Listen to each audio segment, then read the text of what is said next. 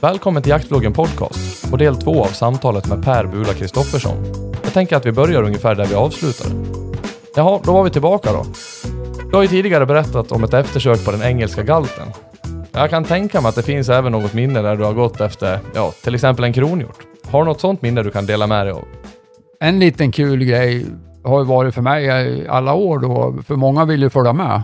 Eh, även av skyt, ursprungsskytten, men även andra som har varit med och velat följa med och gått. Och man har alltid fått det egentligen av mig. Och kommer det någon, någon som är yngre än mig, naturligtvis ganska många år yngre än mig, så, så, så vill jag ju gå på lite hårdare kanske. Och jag vet, jag spårade en kapitalkron då för ett antal år sedan och eh, hade med mig en, då en, en lite yngre förmåga som, som var ganska kaxig i början och skulle hänga med gubben var ju inga problem. Och, eh, men efter några kilometer så, så anade jag lite högre andningsfrekvens där bakom mig och jag till och med vände mig om och frågade hur det var ställt. Och, Nej, det var ingen fara. Nej, okej, så jag, då kör vi på lite hårdare då. Så det gjorde vi ytterligare några kilometer. Och det var lite intressant för på den första kilometern så hade jag en liten, liten bloddroppe som en knappnål. Det var allt jag såg.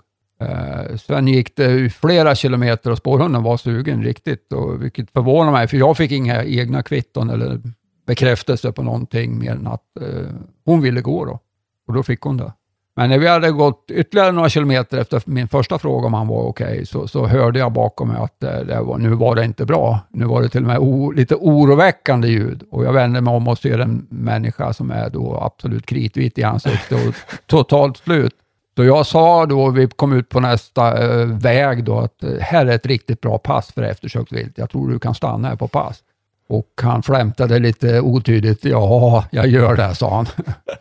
och det gjorde han också. Och jag fick väl spåra ytterligare några kilometer, så fick jag kontakt med den här kapitala kron och släppte också. Och eh, det var ganska enkelt så var det ståndskall efter 500 meter och jag kunde gå in och avsluta. Då. Så det var odramatiskt då. då. Men det var lite kul och lite skön känsla att få knäcka någon som är yngre. Det, det har jag alltid gillat. Ja, det förstår jag.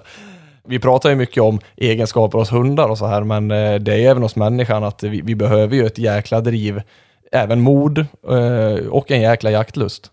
Ja, ingen tvekan. Alltså, man, man måste ha den här viljan att, att uh, gå framåt helt enkelt, även när det tar emot. Jag har ju också alltid varit uh, lättränad. Jag har ju också en liten, uh, om en liten karriär ändå i, i idrotten. Då, så jag har alltid varit uh, vältränad helt enkelt. Så att eh, lätt att gå och, och mycket ork då. Jag kan tänka mig det när du går på nätterna, det är kolsvart ute, klockan är tre, alla har gått och lagt sig, man är helt själv ute och ja, jag kan där tänka mig att motivationen ibland eh, tryter. Nej, men det, det är ju, så är det absolut och det finns tillfällen när man, man liksom undrar vad i all sin dag håller man på med när det, som du säger, tre på natten, det snögloppar i mörka november och man är själv där och, och följer en stor alltid alldeles själv. Att man kanske skulle ha valt något annat yrke, att de tankarna naturligtvis har kommit, men, men eh, nej, det man har ju tagit sig dit och man vill gärna fullfölja. Och, och den drivkraften framåt, den, den bör en eftersöksjägare ha. Sen, sen behöver det inte vara extrem, extremt eh, naturligtvis, men, men en stor drivkraft och, att slutföra det. Definitivt, det är en bra egenskap. Jag tänker så här nu när vi pratar allt det här kring eftersök. Eh, om, jag säger, om jag säger att jag ska gå ett blodspår med min hund. Eh, jag vet att du har vissa åsikter kring att hundar följer blod. Kan du inte berätta lite kring det? Ja, men det är ju det vanliga att vi säger så, blodspår. Det, jag tycker vi kan fortsätta med det, jag förstår alla vad vi menar då, men eh, det är ju inte blod som en hund spårar. Den kan egentligen inte spåra blod, för det utgör inget, eh, inget ehm, eh, spår egentligen, utan det är, som, det är ingredienser i ett spår, alltså att det finns blod. Då. Och en del hundar kan vara, bli mer triggade av att det luktar blod, absolut. Eh, de vet ändå att det är skadat. Det är inte det som bestämmer för en hund att ett vilt är skadat, utan det är stresshormoner som, som eh, mera talar om för hunden att det är ett skadat vilt. Eh, när vi lägger våra spår så tycker jag att, eh, att eh, de flesta ska definitivt vara utan blod. Sen kan man eh, absolut, och speciellt inför ett, ett, ett spårprov, där vi vet att domaren kommer att slänga ut lite, mm, en hel del blod faktiskt i spåret, eh, göra det då så inte hunden eh, är oförstående eller brydd av det. Då. Men eh, 90 procent av spårträningen, eller 95 procent av spårträningen, eh, tycker jag definitivt ska ske utan någon som helst bloddroppe. Släpa någonting. Eh, det, det, dels är det mycket enklare och spårträning ska vara enkel. Då blir den av. Eh, det enda som egentligen händer när man eh, går med en blodflaska, det är att man får blodiga byxor och blod på händer och överallt. Man slabbar med det där. Har inget betydelse för spår, spårningen. Va? Och jag är lite förvånad att det är så fokus på, på spårproven, att det ska vara med blod och så mycket blod då, som, som eh, flera deciliter på ett 600 meter spår. Det, det har jag aldrig förstått. Då. Det, det är det vi släpar som, som ska vara intressant. Jag tänker i, i alla andra, eh, när du pratar prov här, eh, i alla andra provverksamheter, om man säger eh, älghundsprov, stövarprov, eh, grythundsprov, alla prov görs ju i Ja, men i, i, det riktiga så att säga. Alltså, en terrier ska spränga en räv, man, mm. ska, eller om man gör ett förläggarprov, nu heter det väl grytprov då, men eh, den ska ligga där tills du gräver upp grävlingen och mm. hunden och så vidare och så vidare med olika arbetsmoment. Tycker du själv att eh, man borde ha det som en del i ett spårprov? Att man ska göra ett eh, skarpt sök så att säga? Både ja och nej. Det finns faktiskt praktiska eftersöksprov då, som Schweizensklubben har jobbat fram och eh, som, som, har pågått några år. Det vill säga att man är med på en jakt och gör ett, ett skarpt eftersök. Men då är det prov och då är det, gör vi då prov med en provhund på eller efter ett skadat vilt. Redan när jag säger det så, så börjar man förstå att det här är ganska känsliga saker. Vi säger att den här provhunden inte håller måttet. Då har vi försvårat det här eftersöket. Det är alltså en, en, en, verksamhet som är, ligger lite på gränsen eftersom vi jobbar med skalat vilt. Det skiljer ju från när vi jagar återigen då, en ganska betydande skillnad. Så att jag är lite kluven därvidlag. Jag tycker att vi skulle ordentligt ta och titta på de spårproverna som vi har och utveckla dem istället till någonting och ställa större krav inte bara att de ska lösa provet och komma fram och stå vid den här klöven dinglande i änden efter 600 meter, utan då handlar det om allting. Eh, med en betydligt hårdare bedömning om, om eh, spårteknik och, och, hela den här biten. Va? Som, eh, som kan vara ganska slarvig, men blir godkänd bara vi löser och kommer till målet. Då.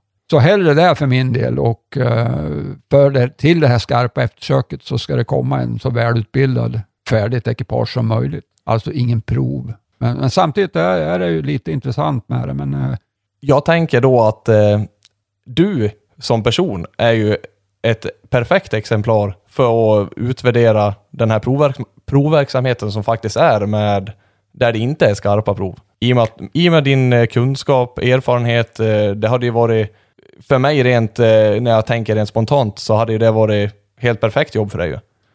Det hade varit roligt att ha fått, fått fundera ut någonting och vi har faktiskt gjort det.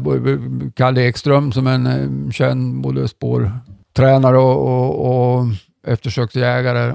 Så, så, faktiskt till och med lämnade vi in en litet förslag på motion rörande de nuvarande öppenklass och eh, proverna och, och, och, med lite små tankar och göra om det. Men det är tabu att röra dem. De ska se ut så där som de har gjort i 70 år när vi håller på i princip. Okej, okay, säger jag, men låt dem vara där då, så alla känner igen sig och det är för, den, för bredden, definitivt. Men eh, gör något för spetskompetensen då. Precis. Ytterligare.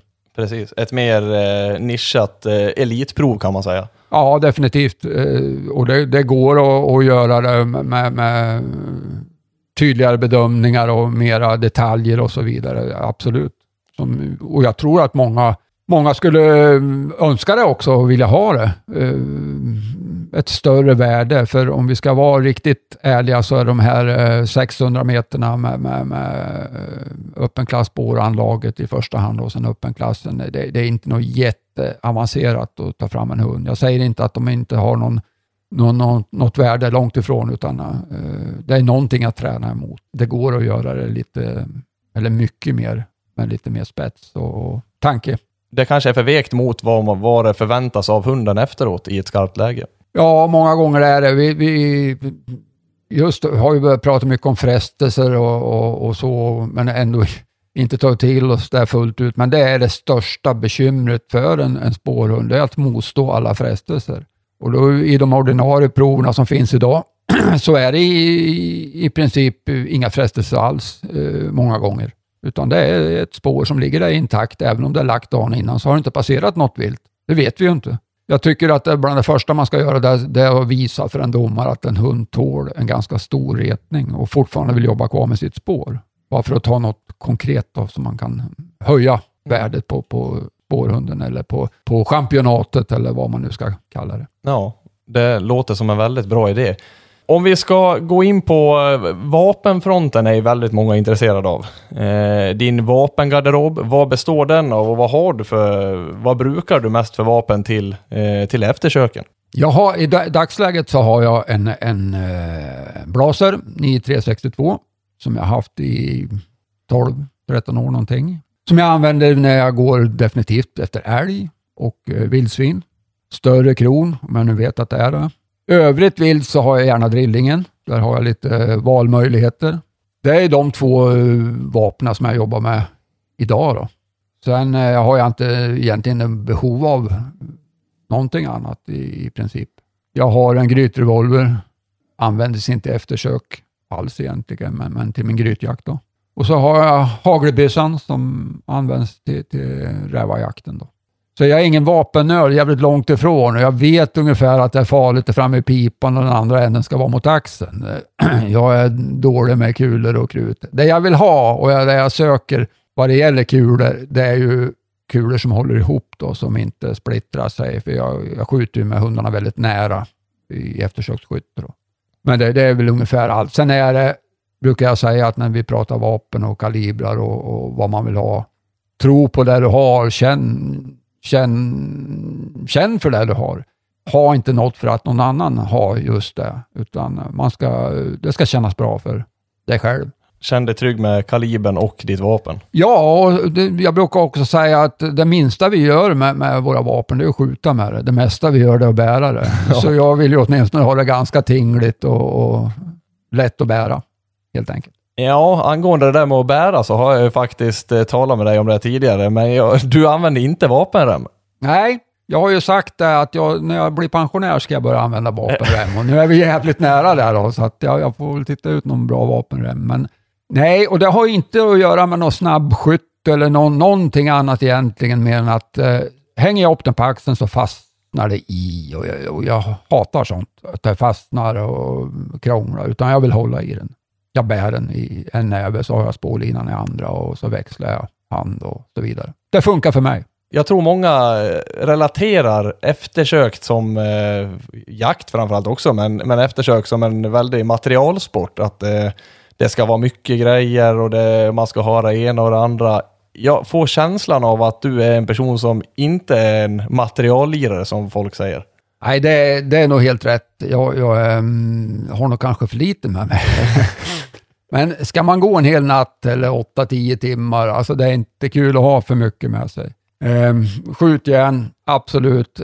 det här med pejlar och, och, utrustning till hunden, ja. Sen har jag inte egentligen så mycket mer. Um, jag, jag, vätska, jag menar, det är ju personligt. Jag vet ju att, att en del får ganska snabbt ont i huvudet om de inte dricker vatten. De har med sig vatten och då ska man naturligtvis ha det. Jag har haft den förmånen att inte få ont ut i huvudet. Jag kan gå ut två dygn utan vatten, det gör mig inte så mycket. Ehm, så jag har aldrig vatten ehm, dessutom tycker jag det är vansinnigt roligt när, när jag ska döma en spårhund. Då kommer de med en stor vattenflaska och har med sig. Då, då kan inte jag låta bli att vara lite elak och fråga vad i all sin dag ska du ha med vatten? Ja, men säger de, det är ju 25 grader varmt idag. Ja, ni ska gå 600 meter. Jag tror ni fixar det utan vatten.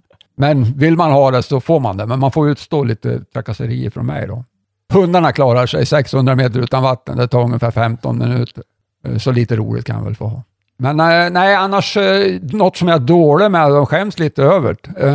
Det är ju första förband. Jag har aldrig i mitt liv haft med det. Jag skäms när jag säger det. Jag hör det, hur illa det låter. Så för guds skull, alla, alla ni som är i skogen, alla vi som är i skogen, har med någonting i första förband.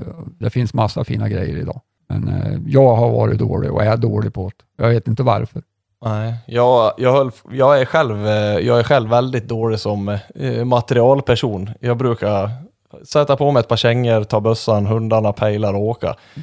Faktiskt så har jag varit väldigt nära att bli av med tyskterriern eh, som jag hade förut, för att jag inte hade första förband. Jag hade inga grejer överhuvudtaget och hon var sprättad i, eh, ja, i stickhålet. Oj ja.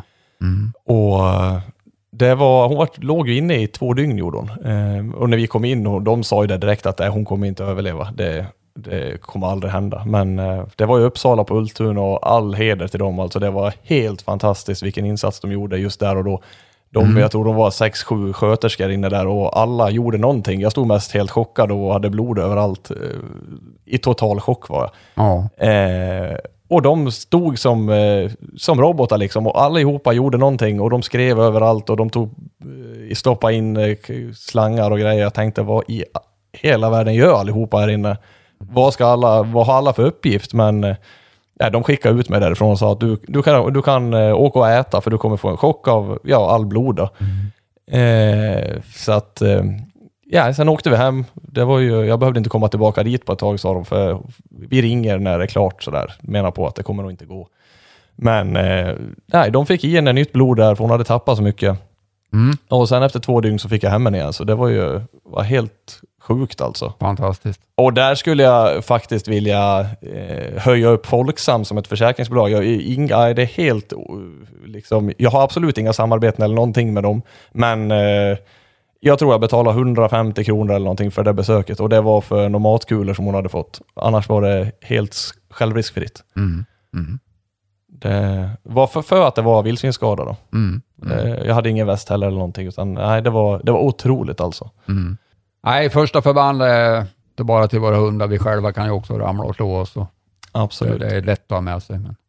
Lätt att glömma, lätt att ha med sig. Ja, tydligt det. Annars så, så Nej, så lätt som möjligt. Sen eh, vet ju jag, eh, jag, tänker, jag tänkte jag skulle ställa den frågan vad du helst jagar. Nu vet ju jag det själv, men det är inte alla andra som gör det.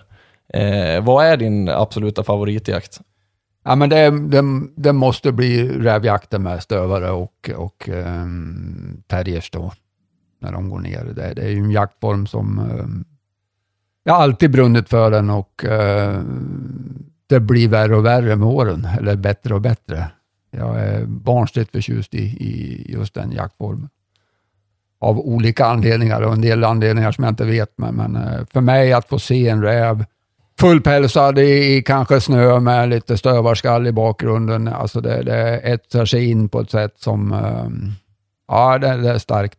Och det kan nog många har svårt att tro egentligen. För att eh, du bor ju i eh, Klövvilts eldorado kan man väl säga. Eh, men din dröm har aldrig varit att stått här på, i höga torn och skjutit vilt? Nej, absolut inte. Jag gör det i stor omfattning eftersom jag måste, hålla på att säga, och vi måste ha en, en, eh, sån viltförvaltning här och i de här områdena. Men, men, eh, min passion i jakten det är definitivt räv och, och i viss mån björn, även om det har blivit mindre med möjligheter för mig den sista tiden. Men, men jag ska ta igen det då. Men det är också en jaktform som jag eh, gillar. Innan vi går in för mycket på det här med, med rävjakten som jag tänkte att vi skulle prata om, så eh, PK Eftersök är ju företaget. Vi har pratat lite grann kring det. Eh, du, vi har pratat om att du har hållit på med eftersök under lång tid. Eh, och jag vet ju nu då att eh, du börjar på och ska lugna ner dig själv med eftersöken. Eh, berätta lite mer kring det. Ja, som sagt har jag haft framförallt den här jour, jouren då under eh, många år. Då, och eh, alla ni som har, har eller har haft jour vet att, att det är ganska jobbigt, eh, ganska pressande. Då, och, jag har ju tecknat avtal med jaktlag och eh, det innebär att man inte har rätt eller kan säga nej, utan man måste åka eller på något vis se till att det eh, kommer iväg någon till det här. Och, eh, det är lite pressande eh, naturligtvis och eh, det är det första som jag kommer att dra ner på, eller börja dra ner på. Jag kommer alltså inte teckna några nya avtal. Sen kommer jag väl inte sluta med sökerna helt långt ifrån, men jag ska ha en möjlighet att säga nej då helt enkelt. Och eh, jag har lite kompisar som alltid har hjälpt mig genom åren som, som kom, fortsätter och kommer att ta över mer och mer. De är yngre än mig och orkar mer och mer, säger de i alla fall. Ska testa dem någon gång i vinter på allvar här. Men, vi ser dem. Men, men eh, skämt åsido, de är jätteduktiga och är på gång och eh, väldigt seriösa och eh, målinriktade. Så att, eh, jag ser inte det som något problem. Det ska bli kul att, att eh, kanske få jaga lite mer och de får, får um, kämpa på lite mer i spåren helt enkelt. Eh, PK Eftersök, det är ju ditt företag då. Eh, har du anställda i PK Eftersök som även går sök? Nej, utan jag, PK Eftersök då är jag helt själv för och eh, de här som kommer att ta över, de kommer inte ta över några avtal eller någonting för de har ju egna jobb och har lite svårare. Och det är ju satsa så som jag gjorde, det kräver så otroligt mycket eh, engagemang och tid och möjligheter också. Då, med, med, för det, det, är ingen ekonomi de första åren, eh, utan man får eh, offra en hel del. Då. Och, eh, de, de, de, kommer att, att, göra så mycket eftersök de kan och hinner, men, men eh, under inga avtal. Då. Och, eh, i egna namn då helt enkelt. Jag kommer naturligtvis att hjälpa dem som de har hjälpt mig eh, under de här åren också naturligtvis. Då. Men planen är ändå att jag, jag ska kunna tacka nej och eh, jaga lite mer då, helt enkelt. Vilket ska bli fantastiskt. Det förstår jag verkligen. Skulle du vilja, skulle du vilja se att eh, någon gick in så där extremt som du gjorde, så där helhjärtat eh, och verkligen levde för eftersöken eh, som en efterträdare? Både ja och nej. Eh, men jag, samtidigt så hade det varit lite kul, men, men eh, samtidigt var det inte riktigt eh, rumsrent det jag gjorde för att starta upp det här den första tiden. Jag kan berätta kort om det, så förstår ni kanske vad jag menar. Rent ekonomiskt, det var ju eh, väldigt kännbart. Så jag hade under några, de första åren så hade inte jag någonting försäkrat. Eh, varken mina små barn, fanns ingen försäkring, fanns inga pengar till husförsäkringar, fanns inga bilförsäkringar, fanns absolut ingenting. Det var bara ett enormt krigande för att få eh, öronen att räcka ihop. Då. Och det kan jag ju inte önska någon annan. Det var ju vansinnigt. När jag tänker efter på det så skäms jag ju naturligtvis. Men gudskelov hände ingenting. Så, så, att vi, vi kunde gå igenom den där, de där första två, tre åren. Men äh, det, det, är inte vettigt. Så, så kan man inte liksom så kan man inte göra. Nej, det, det, det, är ju, det, går ju, det går ju att flina åt det så här, men det är ju otroligt starkt alltså. Det... Ja, men det var nästan för starkt, höll jag på att säga. Det, jag, och därför kan jag inte säga att jag önskar att någon gör det, för man får inte göra så. Då. Eh, det man, nej, man ska, ska bara inte göra så. Då. Men tänk om det har hänt något, tänk om det har hänt mina barn någonting. Alltså, jag har ju aldrig förlåtit mig mer i det här livet. Va? Eh, så att, nej, lite mer lagom. Det vore roligt. Och det, jag, men jag ser det på de som, som de, de kommer att köra eh, så seriöst som de kan och, och, verkligen satsa. Och de är duktiga redan idag, så att jag är lite små avundsjuk på, på dem. Men, men och ändå inte kanske. Men eh, du känner, ändå, du känner ändå att du ser drivet i dem på... Ja, definitivt drivet och uh, viljan att lära sig mera. Och uh, den är ju viktig. Uh, och även ödmjukheten, alltså vara eftersöksjägare, det innebär att man lär sig under hela tiden och, och, och man måste vilja lära sig mer. Och man, I det ögonblicket man går in och tror att man kan allt, ja men då är det nästan kört. Det handlar också om att bemöta, jag vill inte kalla det kunder, men det är ju så faktiskt egentligen då, på, på, på ett arrogant, arrogant sätt eller mm, oproffsigt sätt. Det, det, vill jag inte, utan uh, göra ett bra jobb och vara trevlig mot jägarna som man vill hjälpa. Det, det önskar jag ju. Mm. Och det, det ser jag, så att det, det kommer att gå bra. Ja. Nej, men jäkligt roligt då att det finns efterträdare i det tänker att vi lämnar eftersöksbiten lite grann och går mer in på ditt intresse eh, för rävjakten framför allt. Jag, jag vet ju själv vad det krävs eh, att jaga räv och jag känner lite grann eh, jag känner lite grann sambandet med att du gillar eftersöken och att du gillar den här rävjakten. Någonstans att det är väldigt mycket olika moment eh, som krävs och det är ju inte det är inte bara att ställa sig på ett pass, släppa en stövare, skjuta den eller så går det gryt och du åker och skjuter räven. Så är det ju inte. Nej, långt ifrån. Det är, det är ju eh, det är mycket jobb eh, mycket tid att lägga ner engagemang. Då, och, eh, dels att styra in hundarna på, på det här viltet. Nu är det räv som gäller och det här ska vi jaga. Det andra ska vi inte bry oss om. Kräver mycket tid, jobb. Um, räven är ett fantastiskt vilt. Man lär sig ju varje år något nytt om dem och häftiga och uh, att lyckas en dag i en rävjakt är en ganska skön känsla. Nej, jag, jag ser fram emot att få göra det. Jag har ju alltid hållit på med det, så det blir inget nytt så långt ifrån, utan uh, men, men det kanske är lite större omfattning. Det, det, det är häftigt. Och lite nya hundar är på gång också. Det finns några unghundar nu, både småhundar, det vill säga terrier, och eh, några stövare. Så att eh, jättespännande att se fram emot den här hösten som kommer. Har ju en stövarung hund som är ett år till hösten. Ska börja på första slagarbetena. Kommer att börja redan i sommar med lite spårträning och lite prägling med, med rävskinn och som jag tycker är viktig och som, som jag tycker mig se att eh, ger en klar fördel eh, vid injagningen då, att man har präglat mot eh, och belöna för en doft som de sen känner igen i naturen. Då. Ja, för det är någonting som jag tänkte jag skulle ställa en fråga kring. Eh, och det är ju som jag till exempel har, liksom du har ju en ung hund som ska jagas in i år. Och eh, du håller ju på mycket med spårträning kring präglingen också, inte bara eftersöksspår utan eh, även präglingen för vad ska hunden jaga för typ av vilt. Eh, och jag tror att det kan vara av intresse för väldigt många och ha någon form av eh, guidning där. Att eh, vad kan jag göra? Är det bara att ta ett rävskinn, kasta ut det, dra det i en lina eh, två kilometer och sen går det spåret? Eller har du något annat tips för till exempel mig så att jag slipper eh, tre år med en stövare som jagar 90% rådjur? Ja, definitivt. Åtminstone kan man försöka. Man, men eh, vi vet ju att de här rävstövarna och de linjerna som, som oftast blir när det gäller rävstövare, det är mycket stark jak, jaktlust som regel, vilket gör att eh, ja, allt vilt är vansinnigt roligt i början. Det ska jagas. Och det är, det är en härlig eh, inställning, men man kan ju ge lite bekymmer också. Men prägla mot en doft, alltså det, det, är något som vi varit dåliga med. Men man kan åtminstone försöka och man kan göra, göra, definitivt göra det. Man kommer inte skada någonting. Tvärtom, man får bara fördelar av det.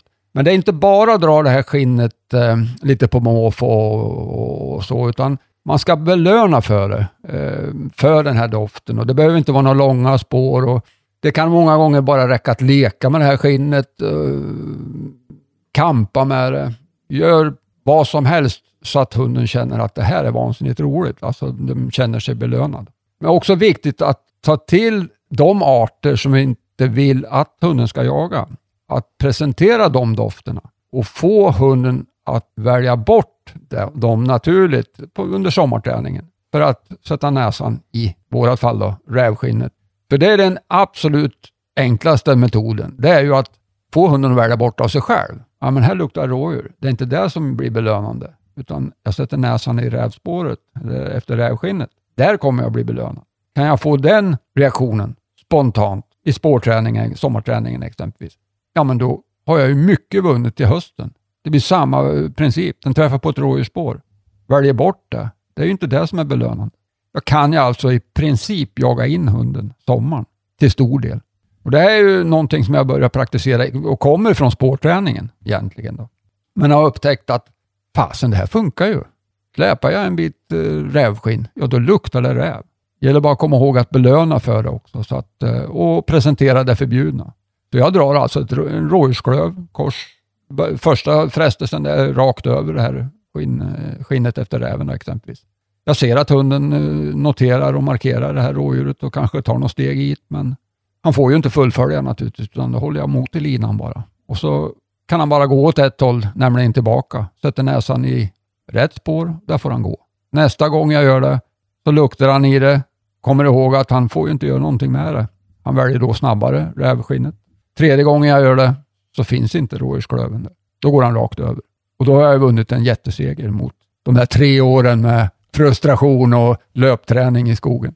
Ja, för det, det, det är ju det som många kanske får höra när de eh, ska köpa sin första stövare. Man kanske då, många, många sneglar ju då åt finstövarna, eh, som är en eh, fantastisk ras givetvis på många sätt. Eh, och det många får höra då, det är ju även det här att eh, ja, men då, då, får du ha det så roligt i fem år med rådjursjakt. Ja, nej, det är som sagt mycket jaktlust och, och frestande när de ser ett rådjur och, och så vidare. Då. Men, men man kan förbereda en hel del då på, på konstlad väg då. Och varför inte göra det? Det, ja. det är åtminstone gör jag någonting med hunden, jag försöker tidigt få hunden att inse du blir belönad om du ägnar dig åt den här doften. Ja, och det är, det är ju inte, det är ju väldigt mycket kring det, men du bygger ju även en kontakt med hunden. Så att, eh, ja. Jag kommer absolut eh, anamma det, för jag vet att vi har pratat om det tidigare och jag kommer verkligen anamma det och eh, försöka så gott jag hinner och kan eh, lägga den här typen av spår till Eskil. Alltså lägga ett rävspår, dra en klöv fram och tillbaka över det eh, och belöningen där framme är, är räven då. Och jag vet ja. någon gång att du sa till mig att eh, det behöver inte vara något långt spår, du kan dra 30 meter bara. Eh, tycker du det generellt att eh, längden har mindre betydelse? Eh, jag vet att vissa kanske drar två kilometer spår till sin unghund, eh, än att man gör det med en, en viss teknik kortare bit. Ja, definitivt eh, en bra teknik med och blir snabbare belöning och så. Sen när det väl sitter så kommer inte hunden att fundera överhuvudtaget om och hur ska han kunna göra det. Spår är ju som ett snöre, det är olika långt. Eh, han ska inte ha några sådana funderingar, han ska göra spåret.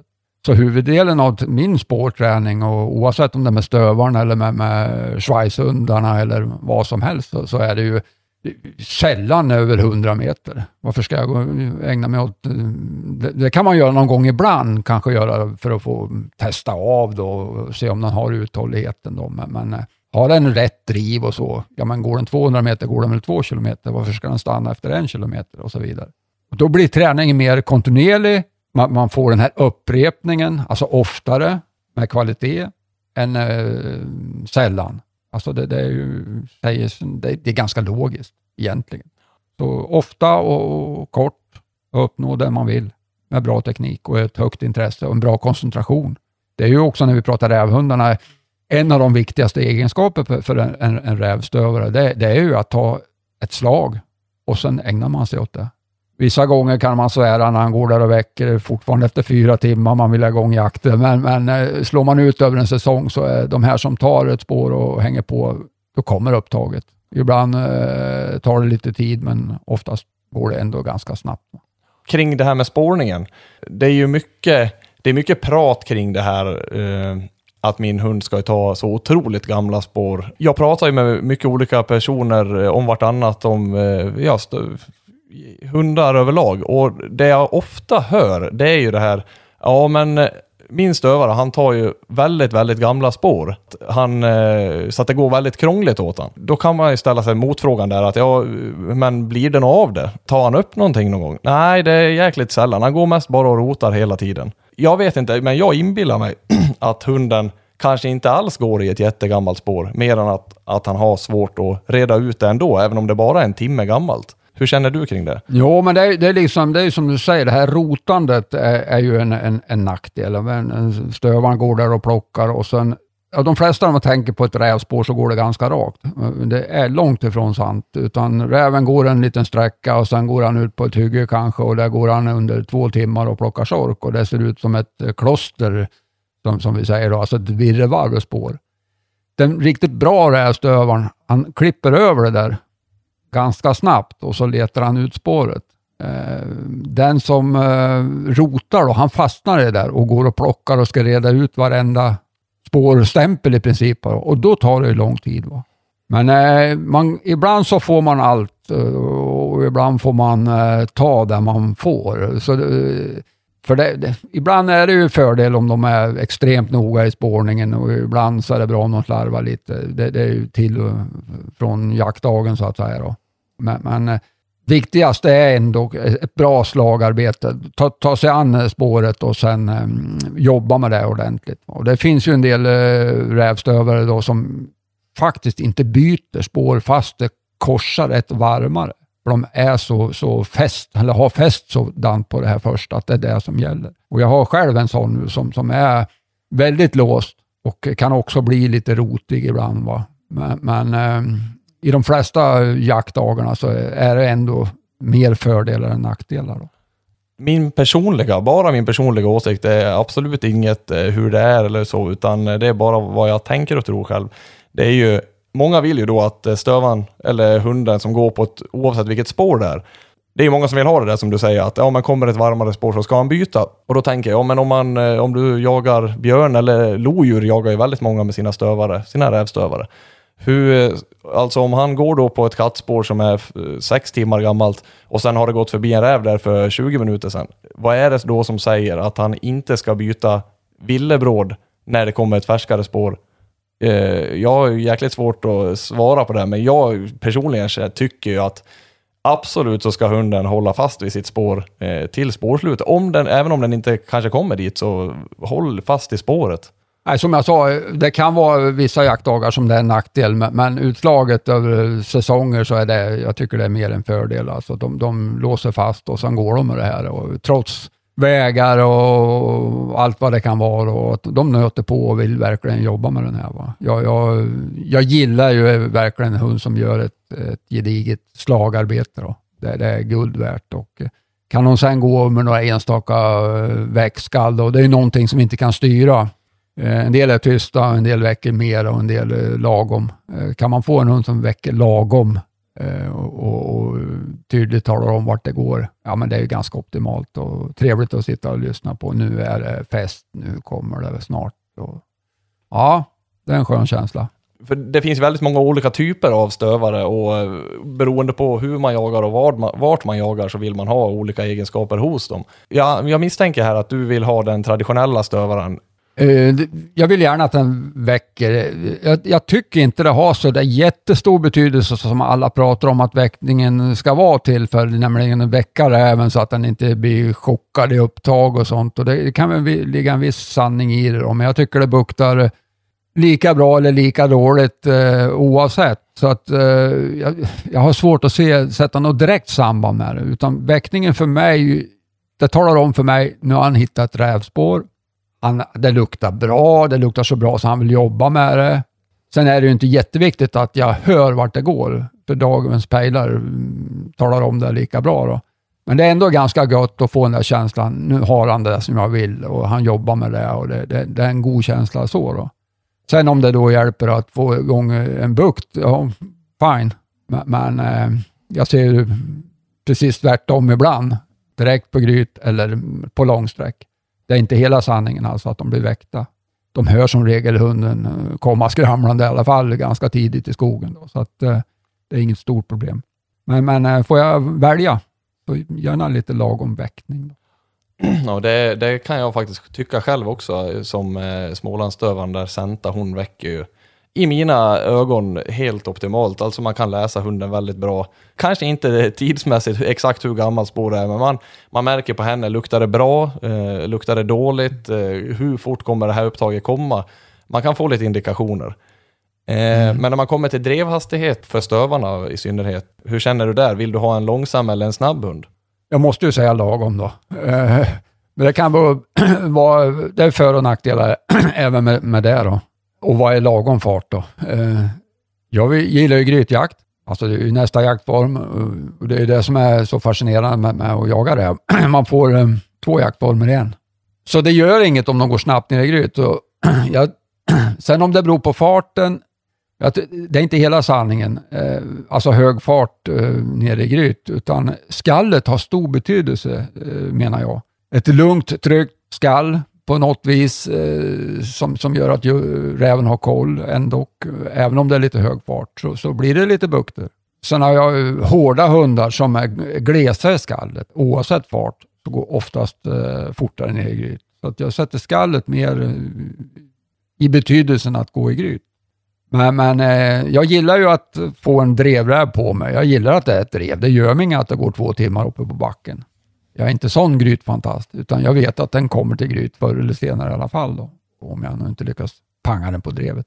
Och det, det, alla de här egenskaperna, alltså de, de, kan vi ju inte påverka så mycket. Vi får det vi har och då ska man nog man försöka anpassa sig, vara nöjd med det man får. Va?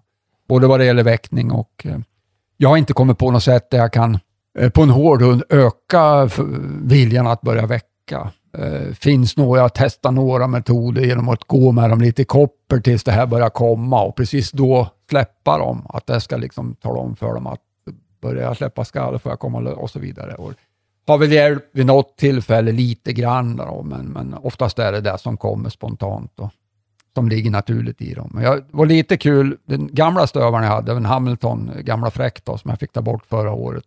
Eh, jag släppte honom faktiskt på, på första räven här bakom logen här hemma. Jag minns inte riktigt hur gammal han var, men han kunde ha varit en sju, åtta månader eller någonting. Han lurvade iväg det där och så skällde han till. Han det hann väl bli någon timme gammalt spår innan jag släppte, ska jag säga. Och han stannade omedelbart och jag, jag kan ha fel, men det, jag inbillar mig att jag såg att han funderade, varför skällde jag? Alltså det kom, vart en jättekonstig reaktion. Och det var väl bara något naturligt som kom. Han skulle skälla där. Och så stannade han och liksom, vad fasen gör jag? Det var ganska häftigt att se. Va?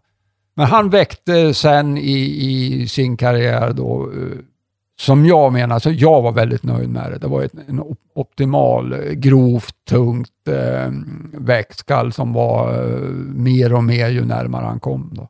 Men eh, att kunna påverka två, man får hålla tummarna att man får det man vill. Vad det gäller det. Ja, ja men absolut. Och där, där tror jag att eh, det känns väl kanske som att eh, ska man påverka det på något vis så är det väl genetiskt att leta efter linjer där man, men eh, som du säger, att påverka en enskild individ är nog kanske svårt i dem. Jag menar, du kan ju inte få hunden att springa snabbare heller då, och springa bredvid och dra den. Då. Nej, det, alltså de har ju sitt sätt där som, som kommer mycket från genetiken och i, i aveln då. Det man kan säga om en riktigt snabb hund, då, det är ju att, eh, som kan vara en nackdel, då, det är ju att skaderisken är lite större. De, de slår upp sina tassar och springer in i saker. Då. Den lugna hunden är lite mer planerande, kanske i viss terräng och så vidare. Men det är ju... Du bor ju här nere i Katrineholm och jagar, eh, till, ja, jagar helst eh, räv då egentligen. Du har inte haft några eh, planer på att flytta norrut? Jag vet nämligen att du är väldigt frälst i, i norr om Dalarna, eller vad man ska säga. Ja, men jag gillar eh, Norrland, som jag säger. Jag, både människorna och, och eh, jägarna och, och eh, jag gillar faktiskt att det ibland inte är så vansinnigt mycket vilt som vi har det. Det låter ju förvärligt och, och, och som jägare att tycka att man har för mycket vilt, men jag, jag tycker kanske inte det är jättetrevligt att uh, gå ut i skogen och, och um, se så mycket spår, täck bäckenstigar, betskador som det verkligen är av, av, av vilt här nere. Alltså det, det är ungefär som att titta i en kohage. Eh, lite mer utmaning att norrut och där det är mindre med vilt. Och det kräver mera helt enkelt av både hundar och, och jägare. Och jag har väl sagt vid något tillfälle och jag tror jag står fast vid det att många gånger så är ni lite högre upp, lite bättre jägare än vi. Vi är lite bortskämda här och behöver inte anstränga oss fullt så mycket. Jag ska inte säga att jag håller med dig, eh, men, men, men däremot så kan jag tycka att det, det, är ju svårt på, det är ju väldigt svårt på olika vis. Eh, som om, om man släpper eh, en hund som är injagad i, vi säger Norrbotten då, eh, om man släpper den här så skulle jag tro att den har väldigt svårt att reda ut bland alla spår och hålla ett bra drev till exempel, eller att följa ett slag. Jag kan, jag kan, och sen kan jag även eh, eller tänka mig som dig, som när du jagar in din stövare, att då går man ofta och bandar mycket. Jag gör det i alla fall. Eh, att man eh, bandar sig igenom alla de här spåren på lite halvtaskig snö. Det känns ganska svårt. Ja, men det är, det är en eh, svår utmaning. Alltså. En hund med hög jaktlust upptäcker att det är ju vilt överallt. Springer 100 meter så står det nya grupperingar. Det är frestande. Ja. Så att, nej, man, samtidigt är det också en fördel för att man får många tillfällen att eh, tala om att det här ska du inte hålla på med. Man kan se det så också. Men, men eh, jag ser ju, om jag ska jaga räv då exempelvis, jag, jag ser ju att räven utstuderat försöker lura hundarna i grupper med vildsvin. Går gärna in, om inte precis bland dem, så nära dem, eh, på åtelplatser, foderplatser, gärna över dem där det är mycket eh, dofter och det ser vi på hundarna. Där får de anstränga sig lite mer. Det blir mycket tapter och mycket jobb att reda ut det där och på viltstigar och överallt. Va? definitivt. Jag, jag, säger det till er allihopa. Det är många som hör av sig till mig och vill ha tips om ditten och datten. Och Eh, och även om jag jagar mycket med stövare, jag har ju varit med och under injagningen på många, eh, flertalet stövare då. Och, eh, men det ska jag säga att det är ju min första egna stövare. Och i vissa sammanhang då, när jag kanske har lagt upp en bild på sociala medier, en film eller en bild på en, en räv som jag ser när jag åker ut och ska jaga, Eh, då kan jag få förfrågan också att eh, sköt du räven eller eh, hade du bra jakt på räven? Jag säger det att jag släppte inte ens på räven och då blir jag ju idiotförklarad direkt. Eh, även om jag filmar och allt det här och det är jätteroligt att få ihop filmmaterial, men för mig så handlar det inte om att eh, släppa på en synobs, eh, och ha ett drev på fem minuter där antingen någon skjuter räven eller att den går i gryt jag vill ha en hund som ska kunna ta upp i alla fören till exempel. Och då, om jag jagar in en hund på synobsar så kommer den förmodligen kräva någonting däromkring. Eh, Det, det är ju min tanke och jag tror att man ska nog eh, jobba efter sin egen tanke och vision. Vad vill man ha för hund? Vill man ha en hund som bara tar varma slag hela tiden, så släpp såklart på bara synobsar hela tiden. Det vill inte jag ha. Jag vill ha en hund med stort sök som tar lite spår och eh, ska kunna ta upp eh, dygnet runt helst. Det är ju alltså en vision och det är, man måste ju ha en vision, även om det kommer ju såklart bli långt därifrån. Men eh, någonstans så måste man sträva högt också. Ja, men absolut. Och det, det är ju ganska smart det du säger att ha en vision. Och man kan hålla, kalla det också ha en plan. Att man eh, är med in, eller innan man börjar injagningen liksom tänker igenom. Vad vill, jag ha, vad vill jag få fram? Hur vill jag ha att min hund ska vara? Och sen jobbar man ju mot det här målet.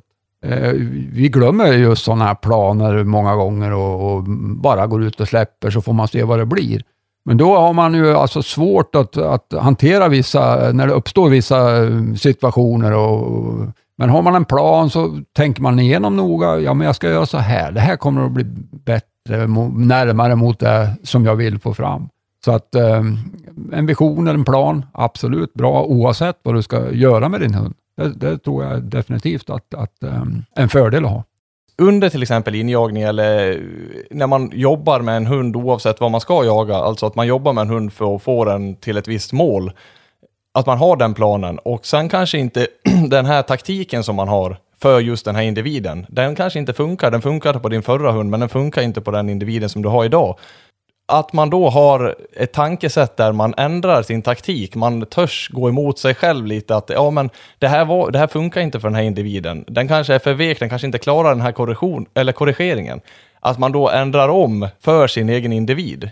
Ja, nej, men det, vi, vi måste ju komma ihåg att alla hundar vi mm, har eh, är individer. Och, och, olika, eh, ja, i både beteende och genetiskt och allt möjligt. Va? Så att bästa hundförarna är ju de som kan styra eh, den här individen och tänka att det är just en individ. Inte bara gå på som jag gjorde med stövaren för, som jag hade för 20 år sedan. Då gjorde jag så här. Utan den här individen kräver... Nej, jag tror det är viktigt. Ja. Eh, Smart, helt enkelt. Ja, jag tror det också. Det, det läser man ju, för sociala medier har ju exploderat i, all, i, i alla kategorier, men eh, jag tror ju många gånger också det här att man som, som ny jägare kanske också går in på, på jägarliv eller en jaktgrupp på Facebook eller på ett forum och kollar eh, ja, men vad ska jag, vad, hur ska jag göra för att jaga in den här hunden? Och sen har någon då skrivit där som har haft en, såklart en jättebra plan för sin egen individ, eh, där det har funkat och eh, då finns det bara den här planen. Eh, är det ju många som tänker och då kanske den inte funkar för den individen, som den här nyexaminerade jägaren som har köpt sin första hund. Det kanske inte är den planen som är funger fungerbar för... Nej, nej, precis. Nej, det gäller att vara följsam Ja, och, och, och jobba med den individ man har just då. och vara lyhörd för, för hur den är som, och vad den har för beteende. Jag vet Ja. som Walter till exempel, när jag fick hem han, han var ju en extremt eh, rädd hund. Han var ju rädd för folk, han var rädd för buskar, han var rädd för soptunnor, han var rädd för allt. Eh, och jag tänkte, hur i all sin dag ska jag kunna få, hur ska jag kunna få den här hunden att vara den här sociala, glada hunden som jag vill att han ska vara? Eh, så jag åkte, dels var han rädd att åka bil också, så jag satt han i bilen då såklart det första, jag mötte lite det här eh, som han var rädd för då. Satt han i bilen, åkte väldigt mycket med han, åkte hem till kompisar varje dag, olika personer och han var ju, han bara skrek när jag träffade folk första gången. Han var så jäkla rädd för dem. Men eh, jag lät han vara där. Jag tog bara med honom. Jag, han fick ju anpassa sig då till min livsstil. Att eh, vi åkte ju hem till kompisar, vi grillade. Han fick ju vara med lös då för att han hade ju ingen ambition att sticka någonstans där och då. Nej. Utan han tydde sig till mig. Eh, och där fick han ju vara. Bara vara sig själv. Och sen det tog inte lång tid, det tog ett par veckor och sen började han tycka om folk. Eh, även om vi träffade helt nytt folk så var han jätteglad och sprang fram och ja, viftade på svansen och det här. Eh, så att eh, till många som har de här rädda hundarna, det finns absolut lösningar åt det. Det är bara att man ska ha en jäkla vilja själv.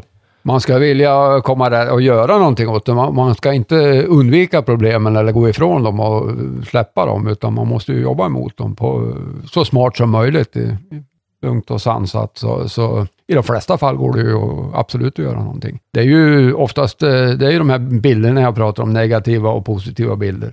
Det har blivit någon negativ bild för någonting och man kommer inte till rätta med den genom att inte eh, göra någonting, utan man måste ju vända den bilden till positiv bild. Och det, för mig har det varit lättare att tänka mig, ja men nu har den här hunden han har någon negativ bild av det här. Hur ska jag lägga upp en plan för att lösa det här? Jo, men jag gör så här. Och så tar det den tid det tar, men jag gör någonting och jobbar mot, mot det där problemet. Då.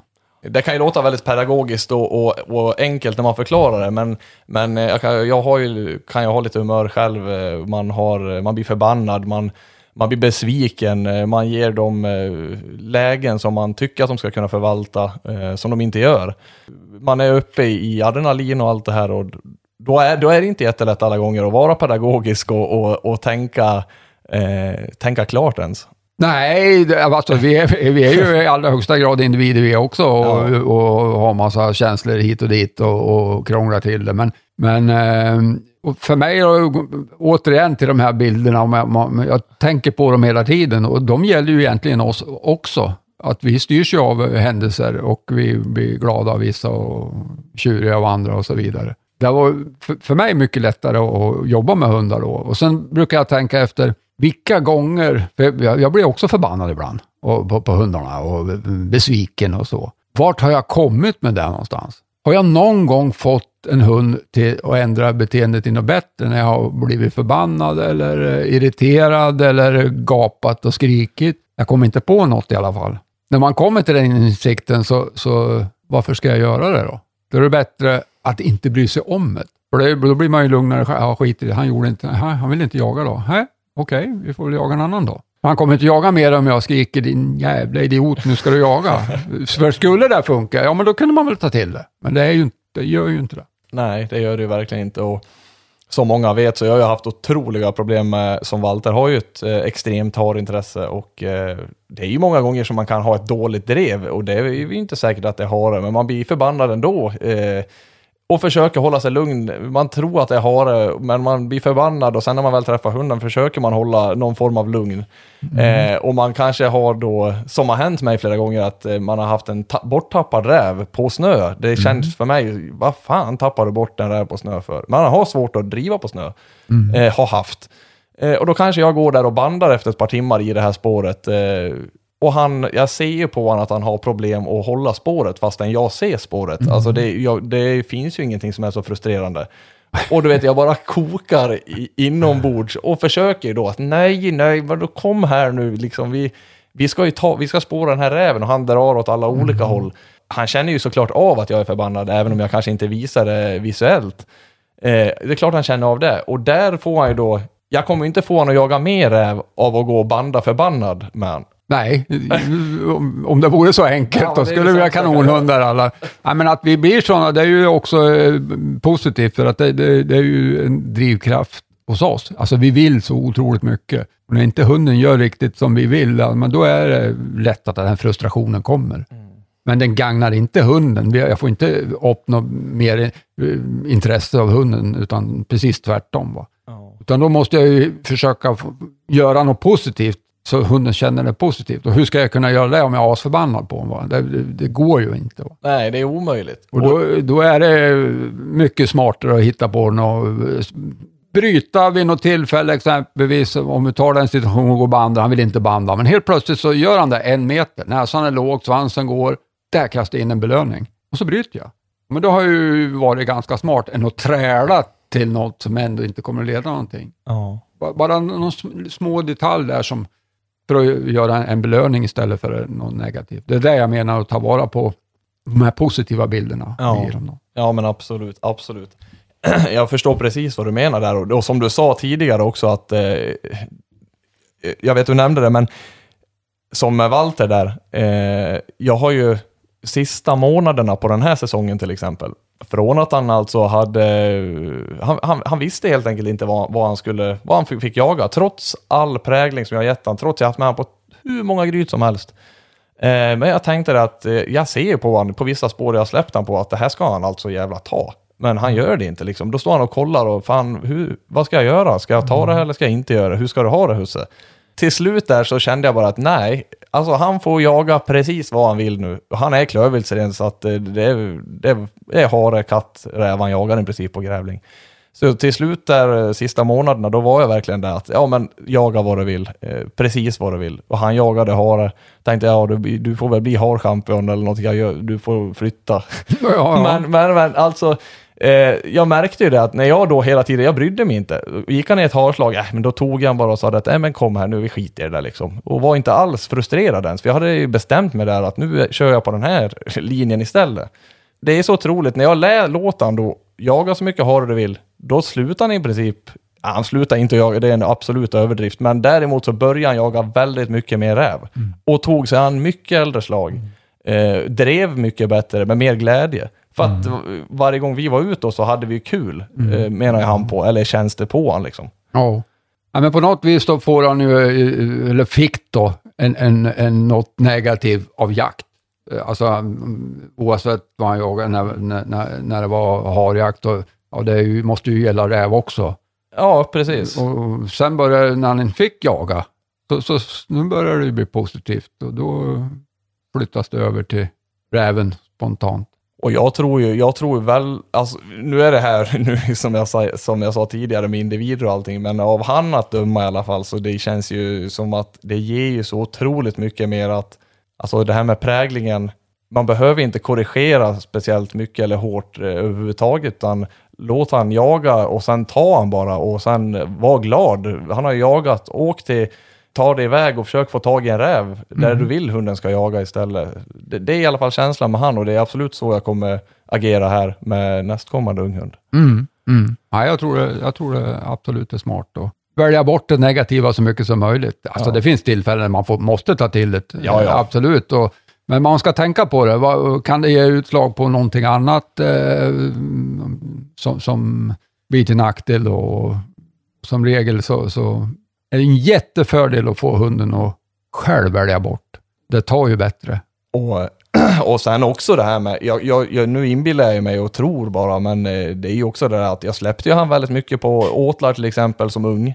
Eh, under hans eh, första, hela säsong egentligen, hade han ju otroliga problem. Han hade ju korta drev på en kvart, 20 minuter tills jag insåg då att han har ju halsinfektion stackaren. Det, Och då tänk hur många släpp jag hade på åtlar som han kanske drev räv och kände att varje gång han driver räv så gör det ont i halsen. Varje gång, varje gång, hela tiden. Och eh, operera bort eh, mandlarna, eller tonsillerna på honom. Och efter det, första drevet så drev han väl en 45-50 minuter tills han tappade bort. Och det var ju förvisso en hare då, men... Och så, så funderar man varför han tycker att det kan vara lite otäckt med räv. Ja, nej, men det är, de, det är någonting som inte... Ja, det blir något negativt då. Ja. Men det, det är ju vad jag tänker bara att eh, det är nog viktigt att reflektera tillbaka. Vad, vad, har, vad har hänt genom hans liv? Mm. Nej, men det är, det är lite häftigt och också mycket att tänka på när vi får hem åtta veckors valpen. Den är ju en oslipad diamant. Alltså, det är ju nu vi ska skaffa negativa och positiva bilder. Det börjar ju redan där, vid, vid första dagen vi, vi hämtar den och försöka få så mycket positiva som möjligt. Och speciellt mot det vi vill. Det är så vi styr in dem på slutprodukten. Nej, så får man inte säga om en hund. Ja, får man säga. Ja, slutresultatet. Ja, vad men det ska precis. bli. Ja, men precis. Det är ett, vi har ju ett mål med, med hunden. Ja, det har vi verkligen. Eh, och sen där, och vi kommer väl aldrig i mål egentligen med dem riktigt. De är ju som oss, läser ju och det kan vara små detaljer men blir ju bättre och bättre förhoppningsvis då. Och med erfarenheter och rutin ja. naturligtvis. Och vet att den här, eh, nu har vi suttit och pratat i i alla fall två och en halv timme. Eh, vi har suttit och pratat länge och eh, jag tänkte att vi ska runda av det här. Ja. Eh, och tack så hemskt mycket för att jag fick komma hit och eh, hålla den här podcasten. Kul att du ville vara med. ja, men självklart. Det var mm, mitt nöje. Då säger vi så, så får vi ta någon jakt här i sommar. Sommar och höst och vinter. Och, Sommar, höst och vinter. Och du får ju komma upp till Dalarna och jaga lite räv också. Jag är tacksam för det. Ja, det är bra Bula, så säger vi så så länge. Tack så. Tusen tack för att ni har lyssnat på Jaktbloggen Podcast. Det här, det var allt från ett gott snack med den extremt duktiga eftersöksjägaren Per Bula Kristoffersson. Hoppas ni, liksom jag, tyckte att detta var ett givande och intressant samtal. Och om ni inte redan har gjort det, kika gärna in på vår Youtube-kanal. Tack för mig, så hörs vi i nästa podd.